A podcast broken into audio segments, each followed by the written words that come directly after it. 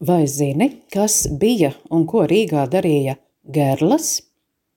Ieskatoties pagājušā gadsimta 20. un 30. gadu preses izdevumos, gluži bieži var lasīt tādus virsrakstus kā Par ko sapņo Gerlas, fonogrāfa Gerla, Rīgas Gerlas, lielas vai mazas Gerlas. Prese tolaik informēja par Josefīnu Beikeri, par Mistingeti, māsām Dollijām, Saxophone Girls no Stokholmas, Violet Girls no Ņujorkas, Londonas Tiller Girlām.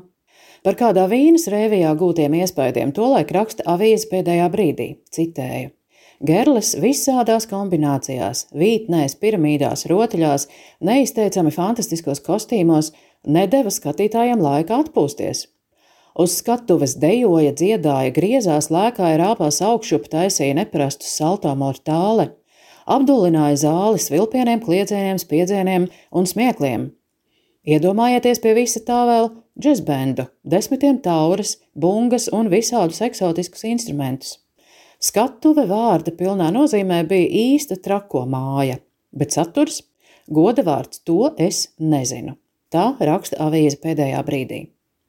Tātad Gerlu vārds 20. un 30. gados tiešām pamatīgi nostiprinājās latviešu valodā, runājot par tā laika modes kliedziena rēvijas dejotājām.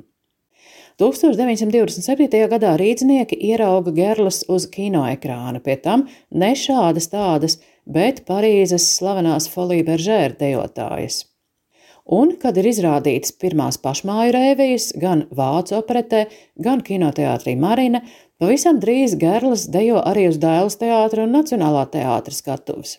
Un Nacionālā teātra iestudētajai Lieldienu rēvijai Austrumu zvaigzne mūziku 1927. gadā komponēja tobrīd vien 23 gadus vecais Jānis Kalniņš. 1929. gadā Rēviju Gērlas kāpj pat uz Nacionālās operas skatuves Ernsta Kršeneka operas Džonijs uzspēlē izrādē.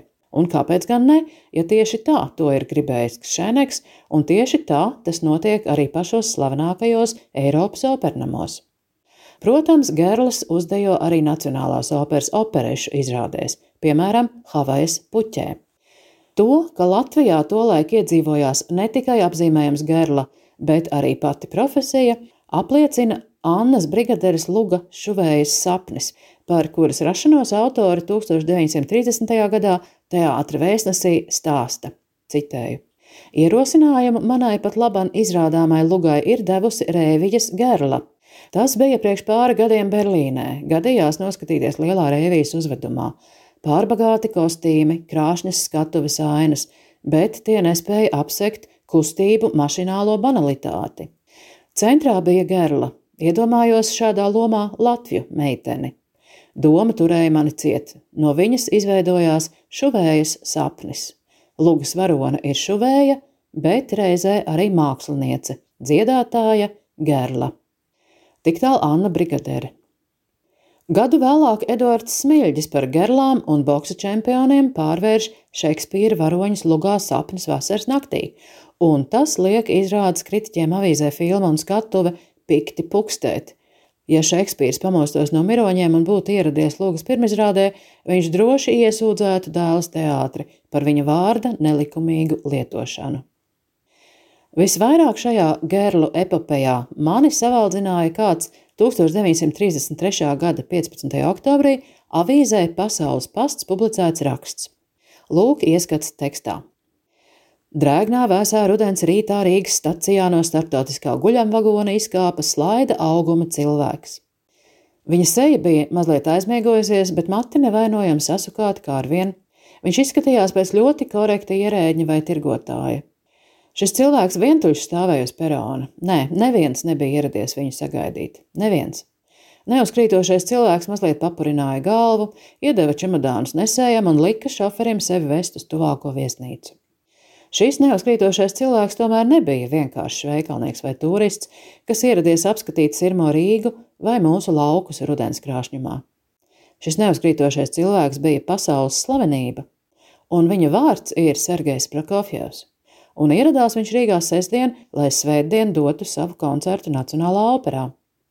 Kādēļ tad viņš ieradās tā klusu, gandrīz zakšus, slēpdamies? Kādēļ līdz pašai pusdienai gandrīz neviens, kam tas interesēja, nezināja, ka slavenais Prokofjevs jau ir Rīgā. Tur vainīgs bija mazs pārpratums, un tādēļ Vīta viņa sagaidīšanai saplūktās rozes.